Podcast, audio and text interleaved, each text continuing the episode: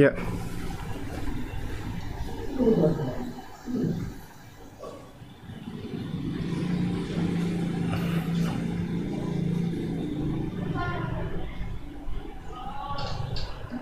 Assalamualaikum warahmatullahi wabarakatuh. Waalaikumsalam. Wassalatu wassalamu ala rasulullah. Selamat pagi Sobat Muslim, para pendengar Radio Muslim di kota Jogja dan sekitarnya dan juga pendengar yang berada. Kembali lagi bersama kami di frekuensi AM 1467 kHz Radio Muslim Jogja memurnikan akidah menebarkan sunnah. Selamat pagi juga para pendengar, para eh, Sobat Muslim di siaran on air atau di siaran streaming www.radiomuslim.com kita kembali di acara rutin kita setiap hari Sabtu pagi dalam program acara Khazanah Islam. Insya Allah kajian bersama Ustadz Abu Salma Muhammad Hafizullah Ta'ala melanjutkan kajian parenting mengajarkan anak tauhid, faidah atau pelajaran dari kitab karya Syekh Muhammad bin Abdul Wahab rahimahullah ta'ala. Insya Allah di pertemuan ke-19 ini Sobat Muslim akan kita lanjutkan kembali pelajaran atau kajian mengajarkan rukun iman kepada anak dan sampai pada pembahasan mendidik anak mengimani malaikat. Dan seperti biasa juga, insya Allah nanti ada sesi tanya jawab yang mana Sobat Muslim bisa mengajukan atau menyampaikan pertanyaan atau konsultasi seputar agama, seputar parenting, melalui SMS atau chat WhatsApp Sobat Muslim bisa sampaikan ke nomor 0823 2727 5333. Dan kami juga menyapa para pemirsa di channel YouTube Ustadz Abu Salma Muhammad dan uh, para pemirsa dan teman-teman di Instagram Ustadz Abu Salma Muhammad. Uh, Teman-teman dan para pemirsa sekalian bisa sampaikan pertanyaan atau konsultasi di kajian bersama Ustadz Abu Salma Muhammad ini melalui chat atau kolom komentar di uh, akun Instagram atau di channel YouTube Ustadz Abu Salma Muhammad. Silakan bisa uh, sampaikan pertanyaan melalui kolom komentar di sana atau bisa langsung sampaikan melalui SMS atau chat WhatsApp ke nomor Radio Muslim di nomor 0823 2727 5333. Baik, kita sapa terlebih dahulu uh, Ustadz Abu Salma Muhammad yang telah membersamai kita di kesempatan pagi hari ini. Assalamualaikum Ustadz. Waalaikumsalam warahmatullahi wabarakatuh. Ya, jazakallah khairan Ustadz atas kesempatan di pagi hari ini. Ya, apa kabar Ustadz? Alhamdulillah Mas Didin sehat walafiat ya. Alhamdulillah. Alhamdulillah. Baik Sobat Muslim, mari kita persiapkan diri ya untuk menyimak, mendengarkan dan mencatat faedah dan ilmu yang akan disampaikan oleh Ustadz Abu Salma Muhammad. Baik, kita simak dan dengarkan materi yang disampaikan oleh beliau. Lanjutkan kajian parenting, mengajarkan anak tauhid, mendidik anak mengimani malaikat. Kami dari studio mengucapkan selamat mendengarkan. Kepada Ustadz kami persilakan Ustadz. Uh, طيب Mas Didin syukran jazakallah khair wa barakallahu fik Innal hamdalillah nahmaduhu wa nasta'inuhu wa nastaghfiruh ونتوب إليه ونعوذ بالله من شرور أنفسنا ومن سيئات أعمالنا. من يهده الله فهو المهتد ومن يضلل فلن تجد له وليا مرشدا.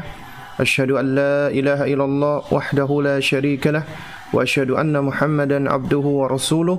لا نبي بعده أما بعد. فإن أصدق الكلام كلام الله وخير الهدي هدي محمد صلى الله عليه وعلى آله وسلم. وشر الأمور محدثاتها وكل محدثة بدعة وكل بدعة ضلالة وكل ضلالة في النار أما بعد uh, jamaah sekalian, ikhwan akhwat, para abah, para ummahat dan sahabat-sahabat uh, para pendengar Radio Muslim Yogyakarta 1467 AM yang dimuliakan Allah Subhanahu wa taala. Alhamdulillah di pagi hari ini kita masih diperkenankan Allah Subhanahu wa taala untuk dapat bersua dan berkumpul kembali meskipun pertemuan secara virtual ya di pagi hari yang membahagiakan ini dan kita masih melanjutkan risalah atau kutayib yang ditulis oleh Syekhul Islam Muhammad bin Abdul Wahhab rahimahullahu taala. Dan kita sudah sampai di pertemuan yang ke-19 dari pembahasan risalah ini.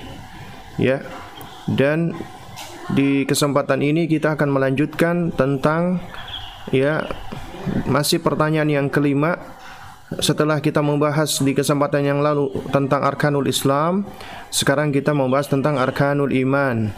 Dan di pertemuan yang lalu kita sudah membahas tentang al-imanu billah, mengimani Allah dan bagaimana ya cara kita mendidik anak beriman kepada Allah Subhanahu wa taala. Dan di kesempatan ini kita akan ya berbicara tentang al-imanu bil malaikah, mengimani malaikat. Ya.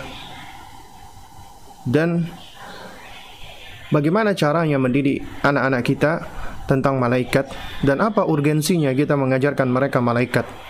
Mungkin ada di antara penanya ya atau mungkin ada di antara ya namanya penyimak mempertanyakan apa urgensinya kita mengajarkan malaikat kepada anak-anak yang masih kecil ya dan mengapa kita harus mengajarkan perkara ini Bukankah anak-anak itu masih belum faham? Kenapa enggak nanti saja diajarkan ketika sudah usia tamyiz 7 tahun ke atas atau usia 10 tahun? Ketika menurut mereka pemahaman anak-anak sudah bisa memahami sesuatu yang abstrak.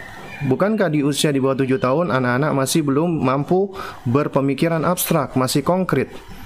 Nah, ini adalah di antara pertanyaan-pertanyaan yang berangkat dari syubuhat-syubuhat ya uh, teori-teori pengasuhan atau parenting yang berangkat dari barat atau dari orang-orang non muslim, orang-orang kafir. Ya. Di mana ketika mereka meneliti anak-anak itu katanya di usia di bawah 7 tahun masih belum bisa berpemikiran secara abstrak sementara masalah akidah itu abstrak, perkara gaib itu abstrak, lantas bagaimana anak-anak bisa diajarkan di usia seperti itu? Nah, nah dan menurut mereka bukankah lebih baik kita ajarkan ketika sudah usia mereka sudah mampu ber berpemahaman konkret. Ya. Baik, jamaah sekalian yang dimuliakan Allah Subhanahu wa taala ya. Insyaallah di kesempatan ini kita akan bicara dulu ya. Kenapa kita ya perlu untuk menyampaikan dan mengajarkan tentang mengimani malaikat kepada anak-anak. Ya. Nah, yang pertama adalah karena mengimani malaikat itu termasuk salah satu rukun iman. Yang apabila tidak diimani maka akan gugur semua keimanan. Alias dia apa alias manusia ketika dia tidak mengimani malaikat maka gugur semua keimanannya. Artinya dia sudah tidak menjadi muslim lagi. Nah, karena itu mengajarkan masalah keimanan ya dari semenjak kecilnya adalah perkara yang sangat penting sekali. Agar hal ini sudah tertanamkan di dalam diri anak ya sehingga mereka mulai dari semenjak kecil sudah tahu dan sudah pernah mendengar tentang yang namanya malaikat ya. Dan lucunya anehnya betapa banyak orang-orang yang mereka terpengaruh dengan teori-teori uh, pengasuhan ala barat. Katanya tidak perlu diajarkan agama tapi ternyata ya mereka sendiri suka menceritakan dongeng-dongeng mitos-mitos, hayalan-hayalan, cerita-cerita yang tidak masuk akal. Ya. Seperti cerita Putri Duyung lah atau cerita ya ya intinya adalah semacam apa nama legenda-legenda ya. Itu kepada anak-anak. Yang mana kita tahu itu semua juga adalah suatu hal yang bersifat imajinatif. Apa khayalan ya Nah, jadi kenapa kok dongeng-dongeng itu diperbolehkan sedangkan hal yang bukan dongeng, yang real, yang nyata bahkan termasuk bagian dari keimanan itu malah dilarang atau tidak dianjurkan ya. Toib.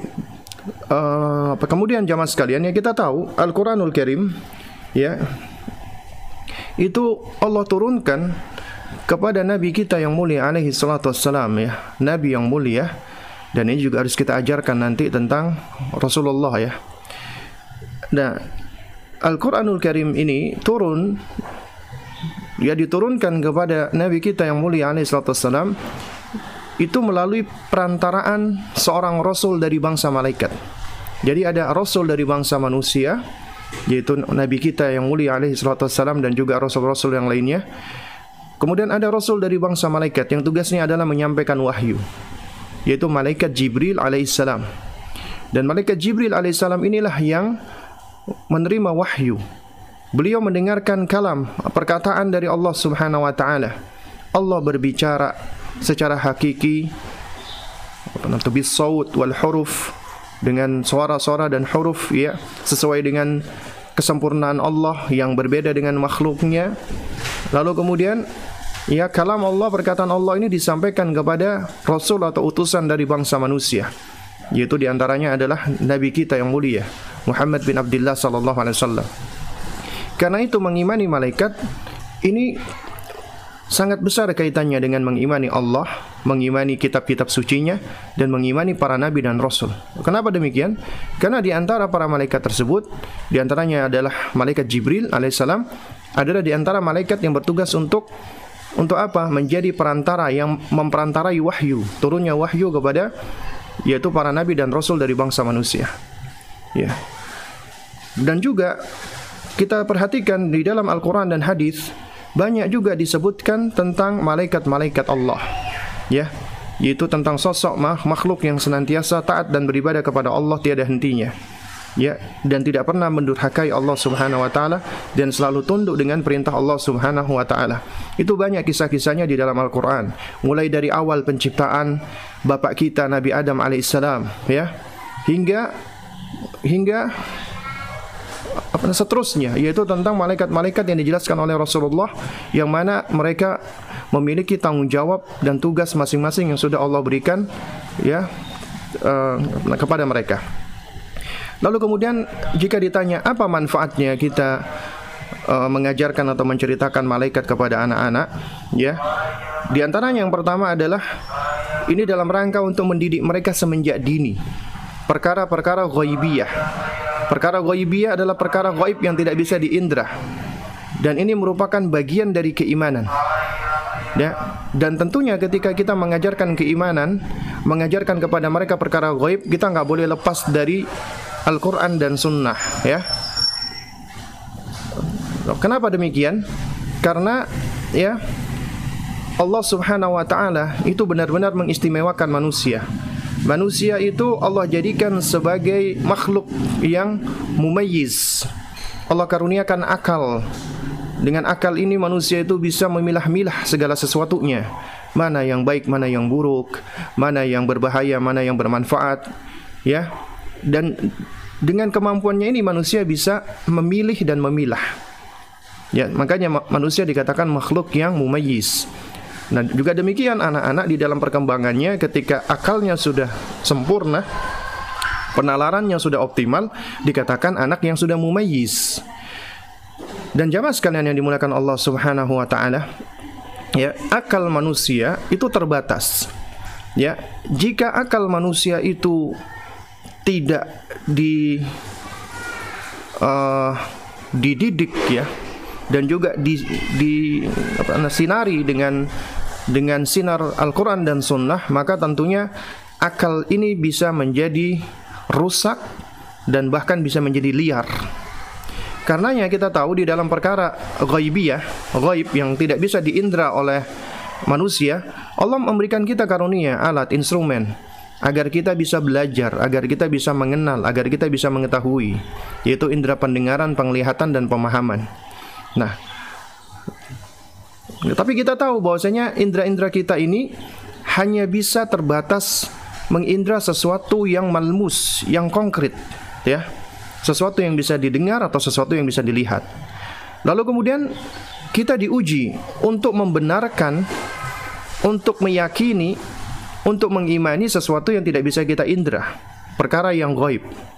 Di antaranya Allah Subhanahu wa taala, malaikat-malaikatnya, Para nabi dan rasul pun juga saat ini gaib karena mereka sudah meninggal dunia. Ya. Nah, jadi intinya kita di diuji oleh Allah untuk mengimani perkara yang gaib. Nah, Allah Subhanahu wa taala itu adalah zat yang paling sempurna dan paling baik kepada hamba-hambanya. Allah karuniakan kepada kita instrumen dan Allah berikan cahaya yaitu dengan cara menurunkan kitab sucinya Al-Quran dan juga mengutus para nabi dan rasulnya. Dan kita pun akhirnya juga mendapatkan cahaya dari sunnahnya Rasulullah Sallallahu Alaihi Wasallam. Sehingga akal kita pun akan menjadi akal yang lurus yang berada di atas cahaya. Ya. Nah oleh karena itu anak-anak yang mereka tidak pernah diajarkan tentang perkara ghaibiyah dari semenjak kecilnya maka ketika mereka penalarannya sudah lebih sempurna, sudah lebih optimal, kemudian diajarkan perkara ghaibiyah, apa yang terjadi? Seringkali yang terjadi akalnya menjadi liar. Maka dia mulai memper, mulai mempertanyakan dengan akalnya yang tidak bisa menjangkau segala hal, mulai dia ya akalnya liar mempertanyakan kalau begitu siapa yang menciptakan Allah? Lalu dari mana Allah berasal? Lalu bagaimana Allah? Bagaimana Allah? Lalu kemudian kenapa Allah menciptakan malaikat? Lalu bagaimana malaikat ini? Akhirnya apa? Akalnya menjadi liar. Liarnya akalnya dikarenakan apa? Dikarenakan yaitu orang tua yang mengabaikan ya pendidikan anaknya dari semenjak dini dengan alasan ditunggu nanti akalnya sudah optimal. Padahal kalau anak sudah mulai dari semenjak dirinya itu ya diajarkan tentang masalah akidah yang benar, insya Allah akalnya akan cenderung tunduk. Ya. Karena akalnya mendapatkan cahaya wahyu. Tunduk kepada Al-Qur'an dan sunnah. Ya. Nah, sedangkan di sisi lain ya mereka yang tidak pernah akalnya disinari dengan Al-Quran dan Sunnah menjadi liar akhirnya mulai muncul ya di dalam benak dirinya uh, syubhat-syubhat ilhad. Yakni mereka tidak mau membenarkan sesuatu yang tidak bisa mereka indra. Akhirnya muncullah manusia-manusia yang ateis yang tidak mengimani akan adanya Allah Subhanahu wa taala yang tidak mempercayai adanya pencipta dan seterusnya. Ya. Sementara di sisi lain ada manusia-manusia yang terlalu merendahkan akalnya yaitu mereka membenarkan perkara-perkara gaib yang nggak bisa diindra dengan hal-hal yang yang sifatnya tidak masuk akal. Dengan hal-hal yang sifatnya mitos, legenda, dongeng ataupun ya khayalan-khayalan, imajinasi-imajinasi, khurafat-khurafat, uh, tahayul-tahayul. Seperti mereka mempercayai adanya ya banyaknya dewa-dewa, dewa Zeus dan yang semisalnya itu semua adalah berangkat dari akal yang tidak disinari pula dengan wahyu namun malah disinari ya, ma ma namun malah ya akal ini di di apa namanya cocoki dengan dengan perkara-perkara yang batil tersebut. Akhirnya makanya banyak yang mempercayai hal-hal yang tidak layak untuk dipercayai. Alhamdulillah Allah jadikan kita muslim. Muslim itu adalah manusia-manusia yang mereka istislam kepada Allah. Mereka menyerahkan berpasrah diri kepada Allah. Artinya apabila itu memang dari Allah dan itu memang sahih dari Rasulullah, maka kita apa namanya? submission. Kita pasrah karena itu berasal dari Allah pasti benar. Ya. Adapun selain dari Allah, maka kita harus apa kritis ya dan jika itu menyelisih akal sehat kita apalagi menyelisih wahyu maka wajib untuk kita tolak. Ya nah jadi jamaah sekalian manfaat menceritakan malaikat menjelaskan malaikat kepada anak-anak artinya kita mendidik mereka semenjak dini tentang perkara ghaibiyah yang tidak bisa mereka indra lalu kemudian yang kedua juga mengajarkan betapa besar kekuasaan keagungan kebesaran enggak kekuatan Allah Subhanahu wa taala sehingga ketika kita menceritakan kehebatan malaikat, tentunya Allah yang menciptakan malaikat lebih hebat lagi. Ya. Ketika kita menceritakan betapa kuatnya malaikat, tentunya Allah yang menciptakan malaikat lebih kuat lagi. Ketika kita menjelaskan tentang betapa besarnya malaikat, tentunya Allah yang menciptakan malaikat lebih besar lagi. Sehingga akhirnya anak-anak pun akan lebih takjub, akan lebih ya cinta kepada penciptanya Allah Subhanahu wa taala. Lalu kemudian yang ketiga, manfaatnya adalah dengan mendidik mengajarkan mereka malaikat ini akan menumbuhkan rasa syukur anak kepada Allah Subhanahu wa taala. Karena Allah betapa baiknya. Allah menciptakan malaikat yang begitu luar biasanya dan Allah tugaskan malaikat itu kebanyakan untuk kemaslahatan manusia dan makhluk-makhluknya. Bukankah Allah mengutus malaikat di antaranya untuk kemaslahatan manusia yaitu dengan misalnya Allah mengutus malaikat Jibril alaihissalam untuk menyampaikan wahyu Allah melalui perantaraan para nabi dan rasul. Di antaranya nabi kita agar supaya manusia mendapatkan hidayah dari Allah. Agar manusia itu mau ya berjalan di atas uh, firman Allah Subhanahu wa taala ya agar mereka mendapatkan keselamatan, mendapatkan kesuksesan, mendapatkan kebahagiaan. Ini adalah kebaikan Allah. Juga di sana ada pula malaikat-malaikat yang bertugasnya untuk mencatat amal perbuatan manusia. Ada yang juga akan mendoakan manusia. Karena kita tahu ya banyak dalil-dalil ya yang menyebutkan tentang malaikat-malaikat yang yang yang yang apa namanya yang dengan izin Allah membagikan berkah, membagikan apa rahmat dan seterusnya ya. Dan ini semua tidak lain dan tidak bukan merupakan kebaikan Allah Azza wa Jalla. Lalu kemudian juga yang berikutnya adalah hal ini akan ya menumbuhkan semangat beribadah anak-anak kita karena ketika kita mengajarkan betapa malaikat itu adalah hamba Allah yang semangat beribadah tidak kenal lelah maka tentunya ini akan diharapkan memotivasi kita semua dan anak-anak kita untuk semakin sem apa, semangat ber ber apa ibadah kepada Allah. Baik. Jamaah sekalian yang dimuliakan Allah Subhanahu wa taala, ya.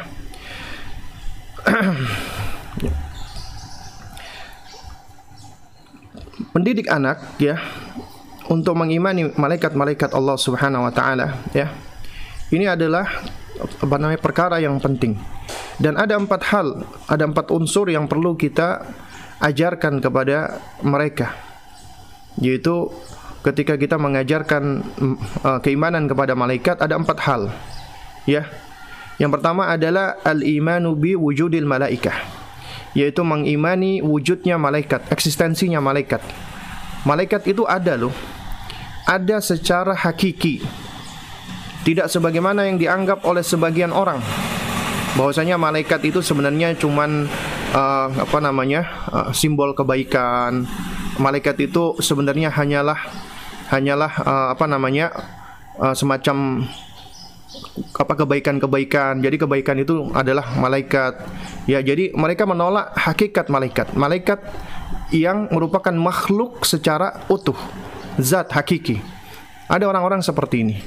Ataupun pula ada juga mereka yang ketika menetapkan malaikat itu dengan gambaran-gambaran yang tidak ada ilmunya. Digambarkan malaikat itu seperti anak-anak bersayap, kemudian membawa busur panah atau yang semisalnya ya.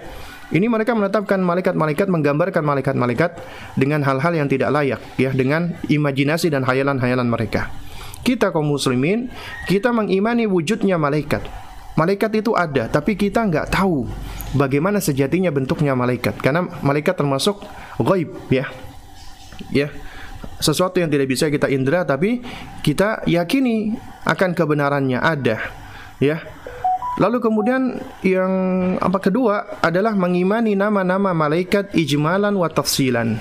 Apa maksudnya ijmalan wa tafsilan? Ijmalan adalah secara global. Tafsil adalah secara terperinci. Artinya, kita mengimani nama-nama malaikat yang disebutkan di dalam Al-Quran dan As-Sunnah ijmalan dan tafsilan. Artinya apabila Al-Quran dan Sunnah menyebutkan nama-nama malaikat secara terperinci, kita menetapkannya. Apabila tidak disebutkan namanya secara spesifik, maka kita hanya mengimani ya tentang tentang wujudnya malaikat-malaikat tersebut. Ya. Lalu kemudian setelah kita mengimani nama-namanya malaikat, yang ketiga, kita mengimani sifat-sifat malaikat ijmalan wa tafsilan. Secara ijmal dan tafsil. Ya, yakni kita mengimani sifat-sifatnya malaikat sebagaimana yang datang di dalam Al-Qur'an dan Sunnah. Baik yang disebutkan secara global maupun yang disebutkan secara terperinci. Baru kemudian yang keempat adalah kita mengimani tugas-tugas malaikat, ya Ternyata malaikat-malaikat itu punya tugas-tugas yang Allah berikan ijmalan wa tafsilan, yaitu secara ijmal, global dan secara terperinci. Baik, jamaah sekalian yang dimuliakan Allah, ya. Dari keempat ini ya, yang perlu kita kita perhatikan yang pertama adalah yang dimaksud dengan mengimani wujud malaikat secara hakiki adalah kita mengimani malaikat itu adalah makhluk Allah yang diciptakan dari cahaya. Ya, Allah ciptakan minan nur dari cahaya. Ya. Lalu kemudian kita mengimani wujud atau keberadaan malaikat secara hakiki, kita meyakini malaikat diciptakan oleh Allah untuk beribadah kepada Allah. Ya. Sebagaimana Allah menciptakan jin dan manusia untuk beribadah, maka demikian pula malaikat itu sejatinya juga makhluk yang Allah ciptakan beribadah kepada Allah, bahkan senantiasa beribadah kepada Allah. Lalu kemudian mengimani wujud keberadaan malaikat itu juga kita mengimani bahwa malaikat adalah makhluk yang tunduk patuh kepada Allah tidak pernah menentang, tidak pernah membangkang kepada Allah. Ya.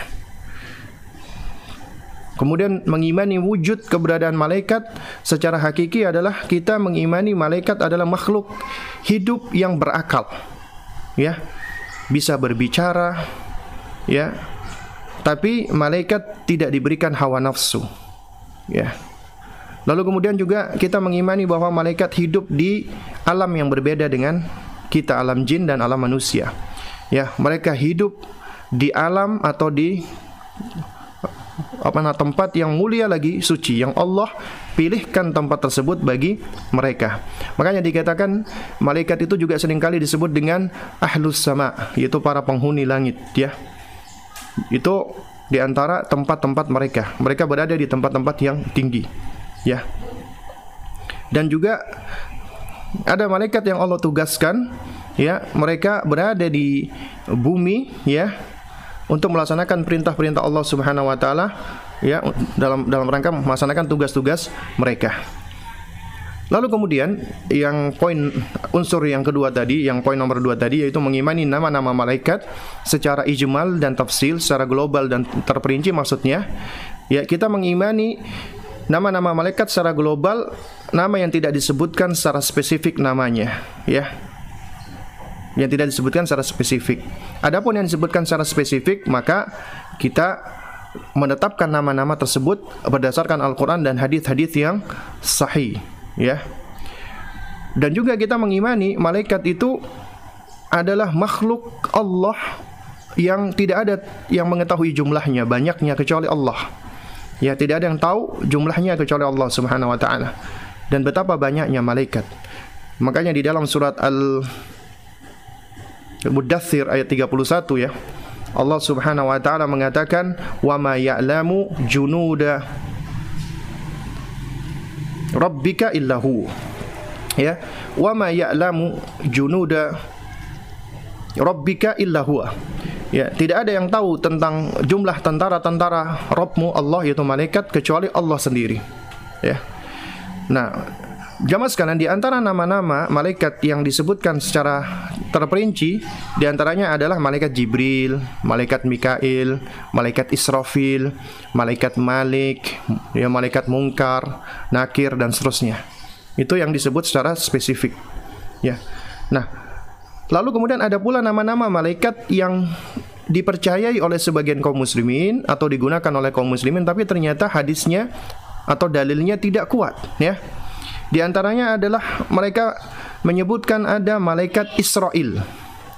Ya, malaikat pencabut nyawa Israel. Ini tidak ada dalilnya yang kuat. Ya. Sehingga perkara goib harus kita tetapkan dengan dalil yang kuat. Yang sahih. Ya, jadi menetapkan nama malaikat juga harus dari dalil yang sahih. Israel itu tidak ada dalil yang sahih. Atau menyebutkan nama malaikat apa namanya uh, malaikat pencat malaikat pencatat amal dengan sebutan apa namanya uh, Rokib dan Atid. Rokib dan Atid itu bukan nama malaikat, ya. Itu bukan nama malaikat. Sehingga kita tidak menetapkan Rokib dan Atid sebagai nama buat malaikat, ya. Taib. Lalu kemudian yang ketiga tadi adalah mengimani sifat-sifat malaikat secara ijmal dan tafsil, secara global dan secara terperinci. Ya, kita mengimani sifat-sifat malaikat di antaranya. Malaikat adalah makhluk Allah yang Allah ciptakan dengan kelebihannya. Makhluk yang kuat, yang perkasa, tidak kenal lelah di dalam beribadah kepada Allah. Ya, jadi detik-detik hidupnya itu selalu digunakan untuk senantiasa beribadah kepada Allah dan tidak pernah mengeluh dan tidak pernah lelah. Lalu kemudian juga malaikat diciptakan dari cahaya. Ya. Lalu kemudian juga kita menetapkan sifat-sifat malaikat sebagaimana yang datang di dalam hadis-hadis Nabi sallallahu alaihi wasallam. Misalnya contohnya ketika Rasulullah sallallahu alaihi wasallam menceritakan tentang Jibril alaihissalam. Jibril itu ya adalah malaikat yang besar yang memiliki sayap ya dan dikatakan oleh Rasulullah ada 600 sayapnya. Dan satu sayap itu menutupi ufuk. Ufuk itu adalah ujung pandangan mata kita memandang. Dan betapa besarnya ya Jibril alaihissalam. Lalu kemudian juga di antara sifat-sifat malaikat yang datang di dalam uh, sejumlah riwayat adalah mereka bisa merubah bentuk dan menyerupakan diri menjadi manusia. Sebagaimana kita tahu ya di dalam hadis yang apa namanya termaktub di dalam Arba'in Nawawi ya hadis nomor 2 yaitu hadis tentang Jibril alaihissalam yang menyerupai laki-laki yang memakai pakaian yang putih bersih, kemudian rambutnya hitam kelimis, kemudian datang kepada Rasulullah SAW dan tidak ada yang tahu, nggak ada yang kenal sama dia dan tidak tampak padanya bekas-bekas perjalanan. Kemudian dia bertanya kepada Rasulullah, "Akhbirni anil Islam, akhbirni anil iman, akhbirni anil ihsan." Ya. Jadi mereka bisa merubah bentuk dan juga demikian di dalam Al-Qur'anul Karim ya itu malaikat-malaikat juga disebutkan mereka uh, menyerupakan diri mereka menjadi laki-laki. Sebagaimana mereka mendatangi Maryam alaihissalam kemudian juga mereka mendatangi Ibrahim alaihissalam mereka mendatangi Lut alaihissalam mereka menyerupai laki-laki. Kemudian juga malaikat itu tidak disifatkan sama seperti manusia yang lemah yaitu mereka tidak memiliki hawa nafsu, mereka tidak menikah, mereka tidak makan, mereka tidak minum, mereka tidak lapar, mereka tidak sakit, mereka tidak lemah. Jadi malaikat-malaikat tidak disifatkan dengan sifat-sifat seperti ini. Kemudian juga malaikat itu disifatkan juga datang di dalam sejumlah riwayat mereka juga bisa senang, mereka bisa gembira, mereka bisa bahagia, mereka bisa membenci, mereka bisa nggak suka. Di antaranya, ya seperti misalnya malaikat yang tidak mau masuk ke rumah yang di dalamnya ada gambar-gambar makhluk bernyawa atau ada anjing atau malaikat yang tidak suka dengan bau mulut orang yang makan bawang misalnya. Ya. Jadi ini adalah di antara sifat-sifat malaikat yang disebutkan di dalam dalil dan kita menetapkan ini hanya yang ditetapkan oleh Al-Qur'an dan Sunnah.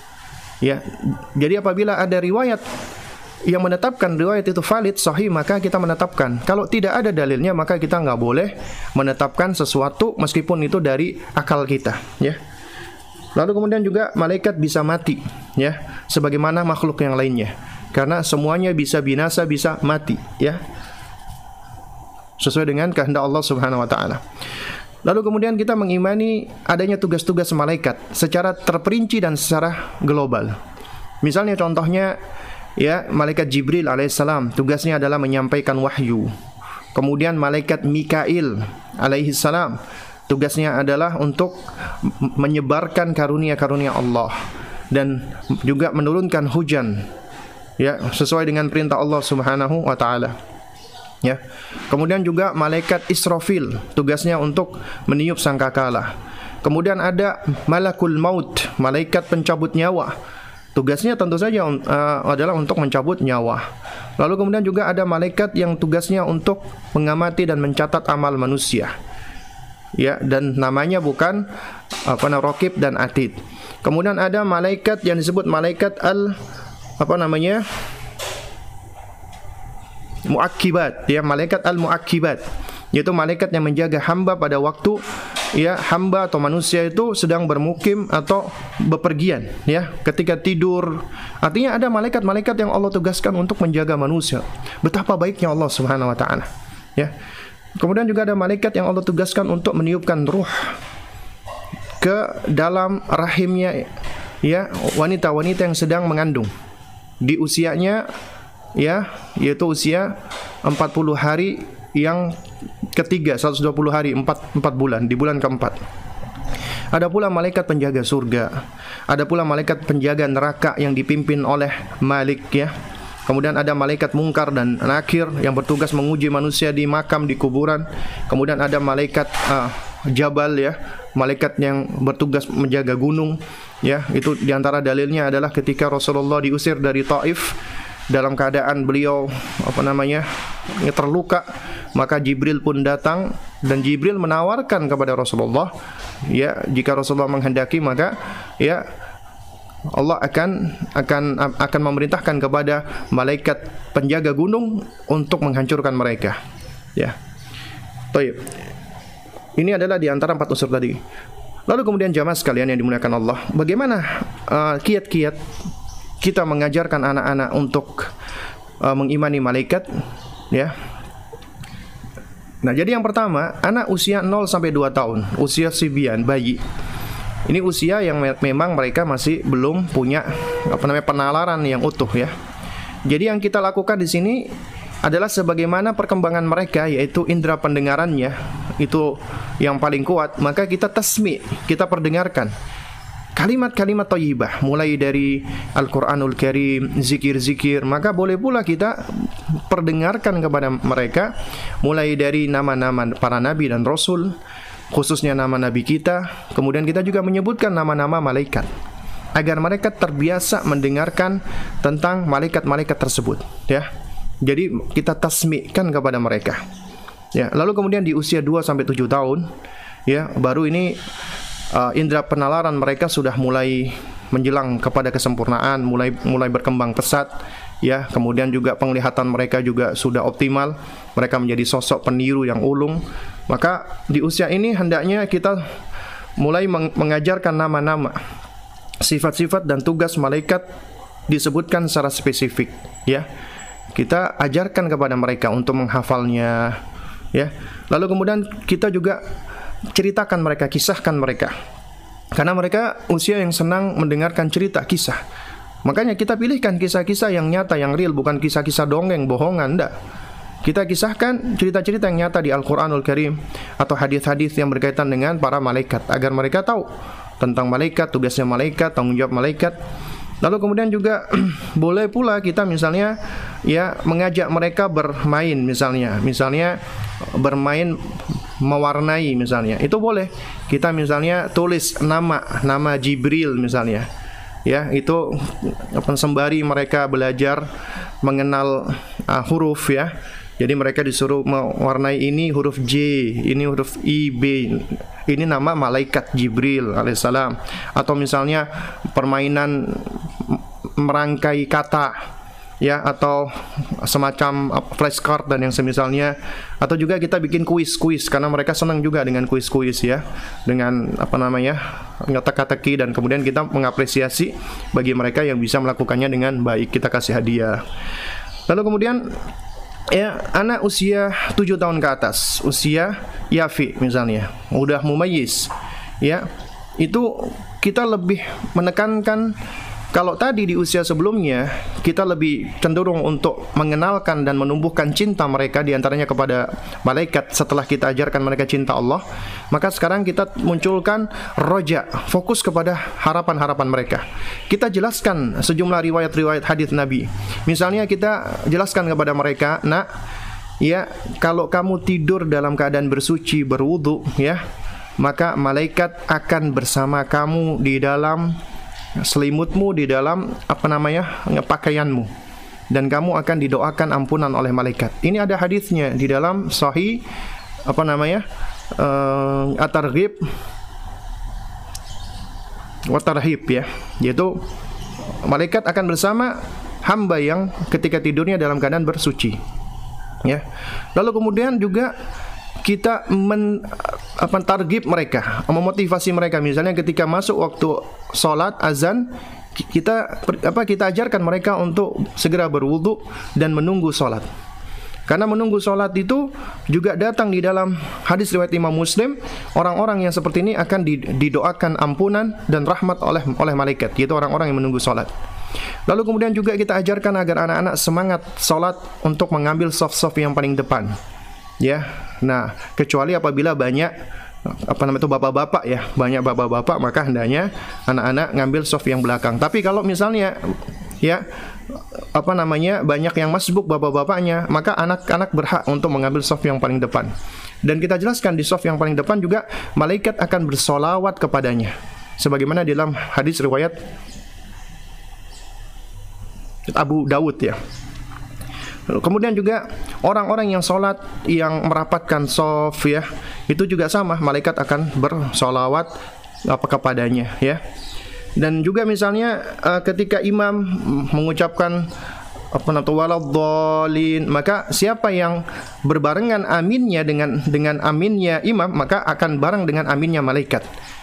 Dan dan apa dan uh, manfaatnya adalah akan diampuni dosa-dosanya yang lalu ya. Nah jadi ya jamaah sekalian itu banyak sekali ya hadis-hadis Nabi saw. Misalnya contohnya mendoakan saudaranya tanpa sepengetahuannya. Artinya mendoakan dia di belakangnya, ha? tidak di depannya dia. Jadi ketika dia mendoakan kebaikan, maka datang di dalam hadis Nabi yang sahih riwayat Imam Muslim, ya, maka malaikat pun akan mengaminkan akan mengaminkannya dan mengucapkan walaka bimithrin dan juga demikian pula untuk kamu. Jadi kalau kita misalnya doakan sahabat kita, ya Allah, berikanlah rezeki yang halal buat sahabatku, tolonglah dia dari segala urusannya dan seterusnya, maka kita akan didoakan pula oleh malaikat. Malaikat akan mendoakan mengaminkan doa kita dan mengucapkan walaka bimithlin, ya.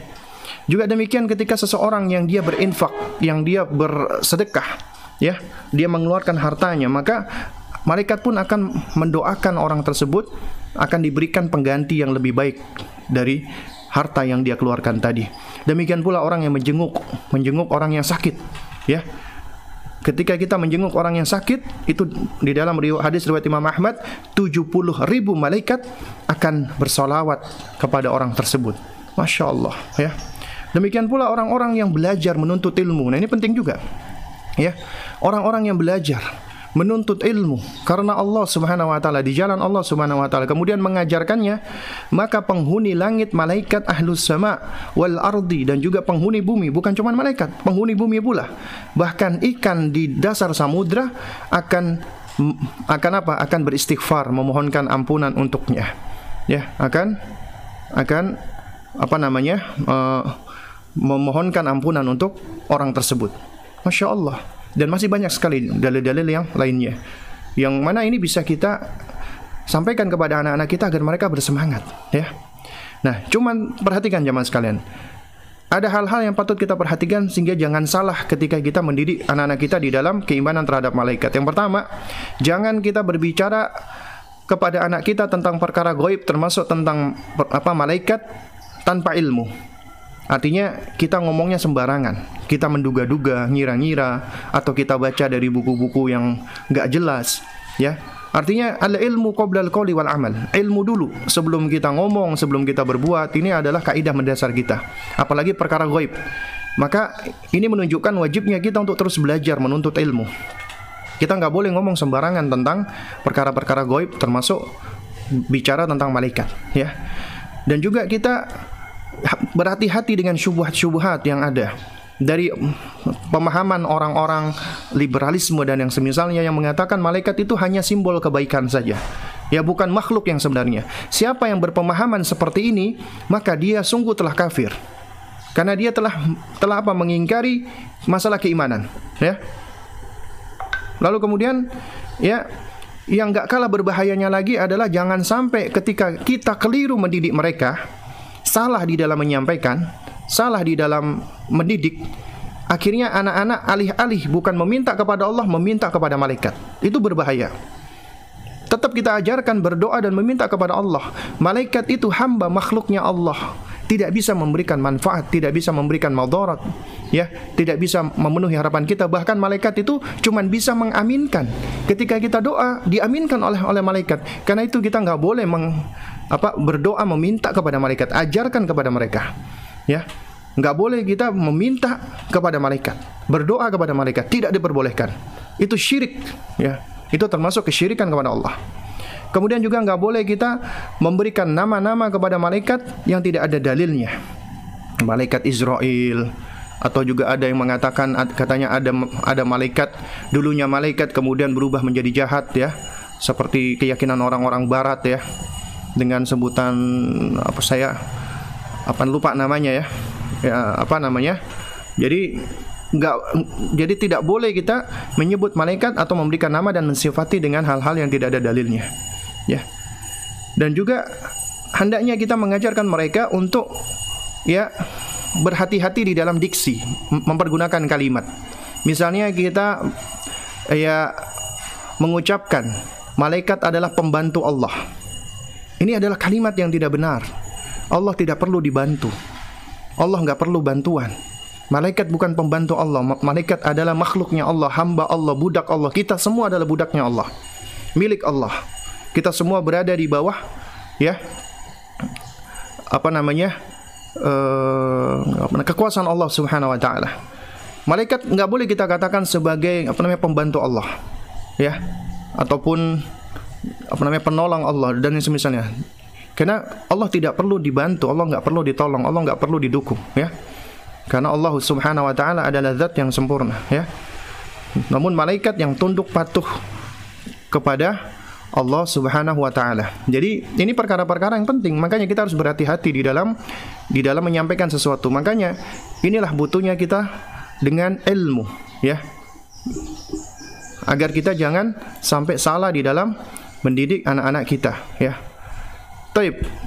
Jamaah sekalian yang ingin muliakan Allah Subhanahu wa taala ya. Mungkin ini yang dapat saya sampaikan ya karena sudah pukul 9.47 ya. Jadi supaya ada kesempatan untuk bertanya jawab.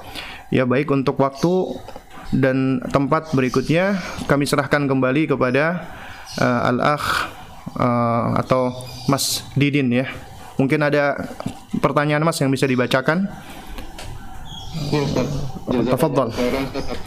Penyampaian materi di kesempatan pagi ini Uh, Alhamdulillah Sobat Muslim baru saja kita ikuti sesi materi yang disampaikan oleh Ustadz Abu Salma Muhammad Hafizullah Ta'ala Lanjutan kajian parenting tadi kelanjutan pembahasan mengajarkan rukun iman Dan sampai pada pembahasan mendidik anak mengimani malaikat. Nah Sobat Muslim kita kali ini masuk di sesi tanya jawab Bagi para peniat bisa sampaikan pertanyaan di 0827 0823 2727 5333 dan bagi para pemirsa di channel YouTube atau channel Instagram Ustadz Abu Salma Muhammad bisa sampaikan pertanyaan juga melalui nomor radio muslim atau melalui kolom komentar. Baik Ustadz kita bacakan pertanyaan yang pertama. Uh, oh ya kita bacakan pertanyaan yang pekan lalu ya Ustadz ya. Ya boleh. Dahulu. Ya boleh. Yang belum sempat dibacakan. Assalamualaikum Ustadz. Waalaikumsalam warahmatullahi wabarakatuh. Ustadz, bolehkah mengadakan syukuran atau membagikan makanan saat usia kehamilan ibu usianya 4 bulan karena waktu ditiupkannya ruh ke bayi. Adakah anjurannya dan bagaimana hukumnya Ustadz? Mohon penjelasannya Ustadz. Taib, ya. Jadi yang benar adalah kita wajib bersyukur kepada Allah setiap waktu. Tidak kita kaitkan dengan waktu-waktu tertentu atau khusus. Mengaitkan ya dengan waktu-waktu khusus agar kita bersyukur atau melakukan syukuran maka itu harus ada dalilnya karena yang paling tahu tentang keutamaan dari waktu-waktu tersebut adalah Allah Subhanahu wa taala baru kemudian Rasulullah sallallahu alaihi wasallam kita tahu Rasulullah adalah hamba Allah yang paling bersyukur kepada Allah Demikian pula murid-muridnya Rasulullah ya, yakni sahabat-sahabat Nabi adalah manusia-manusia yang paling baik dan paling bersyukur kepada Allah. Nah, tentunya apabila ada suatu perbuatan yang baik dan itu adalah merupakan bagian dari eh, ekspresi bersyukur kepada Allah, mereka yang pertama kali akan melakukannya.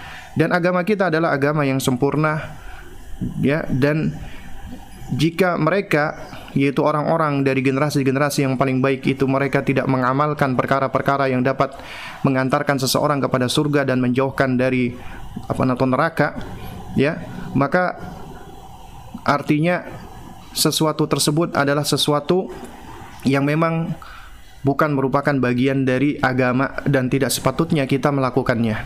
Karena sejatinya kita bersyukur setiap waktu. Nah, adapun uh, melakukan acara syukuran-syukuran di bulan keempat, bulan ketujuh dan semisalnya, yang mana ini dikatakan sebagai adat ataupun apa namanya tradisi, maka ketahuilah adat dan tradisi itu adalah berangkat dari kepercayaan-kepercayaan dan keyakinan-keyakinan yang sejatinya bukan dari agama kita, bukan dari Islam. Karena itu kita tidak diperbolehkan untuk ya melakukan hal-hal tersebut. Anda boleh misalnya uh, masak-masak ataupun ya membagi-bagikan makanan, tapi hendaknya tidak dikaitkan dengan dengan waktu-waktu tertentu atau momen-momen khusus ya. Jadi intinya anytime kapan saja kita ada ada kelapangan rezeki, kita bagi-bagi makanan maka kita dapat pahala di situ. Nah, tapi kalau kita udah munculkan niat di dalam hati dalam rangka untuk tasyakuran. Karena sebab ini, sebab itu, karena ini adalah apa kelahiran atau kehamilan maksud saya bulan keempat dan ini adalah saat uh, apa naruh anak itu ditiupkan ya. Ya memang memang ada dalilnya yaitu ketika di bulan keempat ya janin itu ditiupkan ruh ya. Nah tapi yang menyampaikan ini siapa? Rasulullah dan Rasulullah tidak pernah melakukan perbuatan-perbuatan seperti itu. Rasulullah sendiri tidak pernah melakukan ya uh, acara-acara tasyakuran-tasyakuran seperti itu. Ya. Nah jadi ya jamaah sekalian yang dimuliakan Allah Subhanahu wa taala ya uh, sejatinya acara tasyakuran-tasyakuran yang dikait-kaitkan tersebut itu berangkat dari tradisi-tradisi yang berangkat dari keyakinan-keyakinan yang asalnya bukan dari Islam. Karena itu hendaknya kita tidak melakukannya dan tidak mengamalkannya. Wallahu taala alam bisawab. Baik Ustaz, jazakallahu khairan atas jawaban dan penjelasannya. Kita bacakan lagi pertanyaan selanjutnya. Assalamualaikum Ustaz. Ya, Waalaikumsalam warahmatullahi wabarakatuh. Ustadz, apakah semua orang yang membaca Al-Quran itu ditemani malaikat atau hanya orang yang sudah fasih dan baik baca Al-Qurannya saja Ustadz? Mohon jawabannya Ustadz.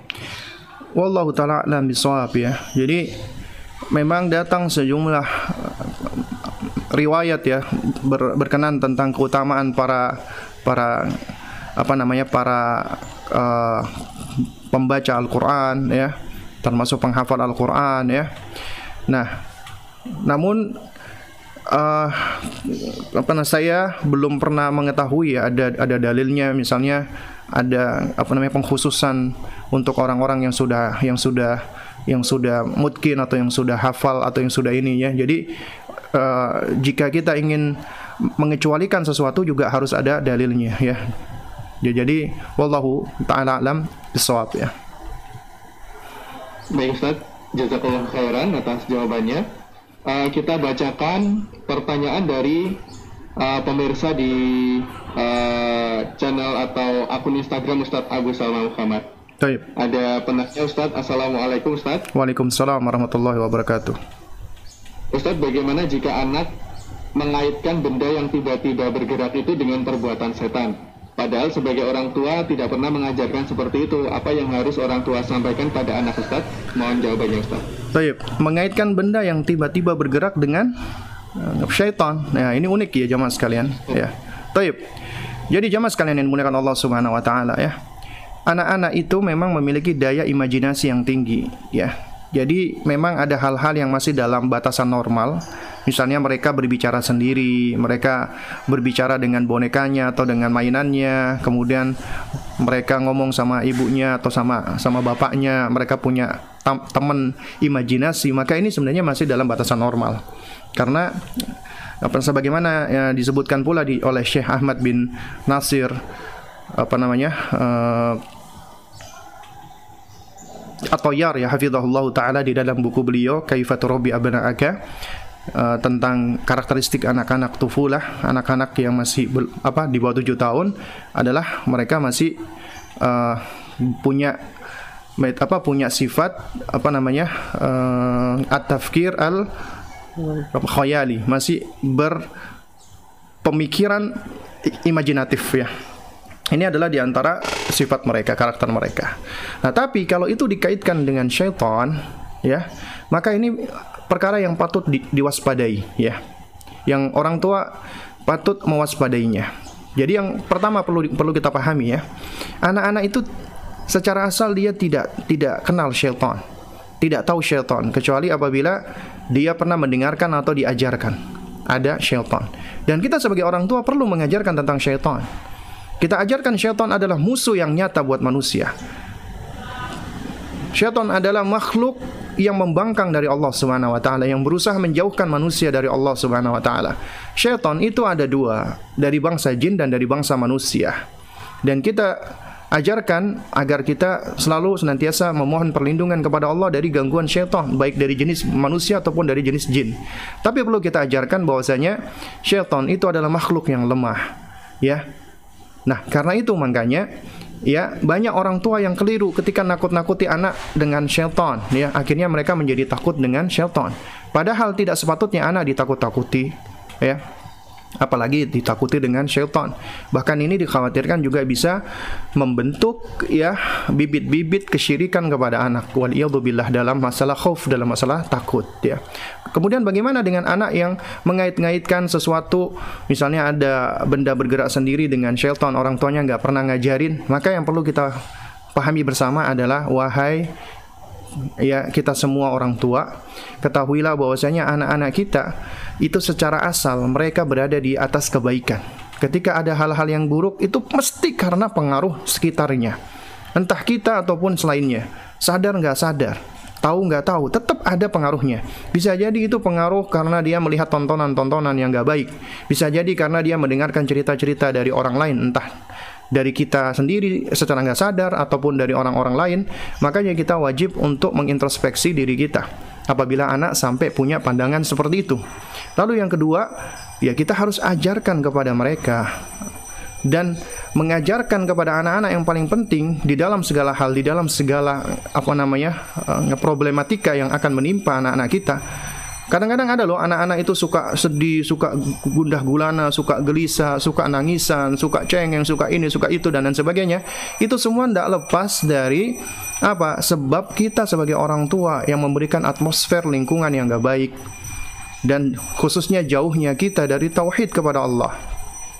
Karena siapa yang mentauhidkan Allah, menegakkan hak Allah, dia nggak akan dapat kecuali keamanan, ketentraman, kedamaian, ketenangan itu janji dari Allah Subhanahu wa taala. Demikian pula apabila Anda ingin mendapatkan anak yang juga demikian yang dia tenang, tentram, damai, ajarkan tauhid kepada mereka, ajarkan akidah kepada mereka yang benar kepada Allah, yang sahih. Ya. Nah, oleh karena itu makanya kita sebagai orang tua juga harus mengajarkan hal ini kepada mereka, akidah yang benar. Kita katakan kepada sang anak tadi ya meskipun gak disebutkan usianya berapa tadi bahwasanya nak ya ini benda ini bergerak. Ya, pertama kita jelaskan dulu ya. Bahwasanya Shelton itu adalah musuh yang nyata buat kita ya. Dan kita manusia nggak usah takut dengan Shelton Shelton lemah. Karena kenapa? Karena Allah akan melindungi kamu. Allah akan melindungi kita ya. Selama kita meminta perlindungan kepada Allah ajarkan mereka untuk ber apa ta'awudz ya itu syaitan akan akan lemah, akan menyingkir dari dari kita. Allah yang akan menolong kita. Allah senantiasa mengawasi kita. Allah yang akan membantu kita. Allah Maha Kuat. Ya, syaitan itu lemah. Itu harus kita ajarkan kepada mereka. Ya, lalu yang kedua, kita ajarkan yang yang merangsang akalnya, uh, kognisinya ada hukum sebab akibat. Ya, tidak mungkin sesuatu itu berjalan ya uh, bergerak sendiri. Ada sebabnya bisa jadi karena angin atau bisa jadi karena hal-hal lain. Ya itu harus sudah kita ajarkan kepada mereka. Ya apalagi mereka masih anak-anak. Nah ini makanya tugasnya kita sebagai orang tua harus fokus mentasfiyah, membersihkan apabila anak-anak kita sudah memiliki adanya indikasi-indikasi yang kurang baik. Misalnya dia sudah ngomong, oh ini setan, itu setan, ini setan. Ini adalah indikasi yang nggak baik ya. Berarti kita mau pungkiri atau enggak kita pungkiri ada sesuatu di dalam pola asuh kita yang patut kita perbaiki. Ya. Nah, jadi ya jemaah sekalian yang dimuliakan Allah Subhanahu wa taala, karena itu makanya kita harus introspeksi diri, kita memperbaiki diri dan kita ajarkan akidah yang benar, tauhid yang benar kepada anak-anak kita. Wallahu taala alam bisawab. Ya. Baik, Mas Didin ya. Atas jawabannya. Um, sudah pukul 10 ini uh, ada satu lagi pertanyaan apakah bisa Boleh, boleh. Ya. Baik. Kita bacakan satu lagi pertanyaan terakhir dari Baik, Mas Diden. Uh, Muslim yang berkaitan dengan uh, parenting ya. Iya. Uh, Silah Ustadz, tetangga saya masih banyak yang suka mengadakan acara ulang tahun untuk anak-anaknya. Hmm. Anak saya yang bernama Lasti diundang.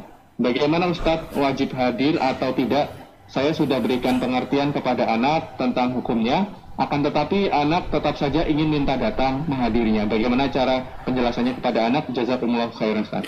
Taib wa jazakallah khair wa Iya ya baik.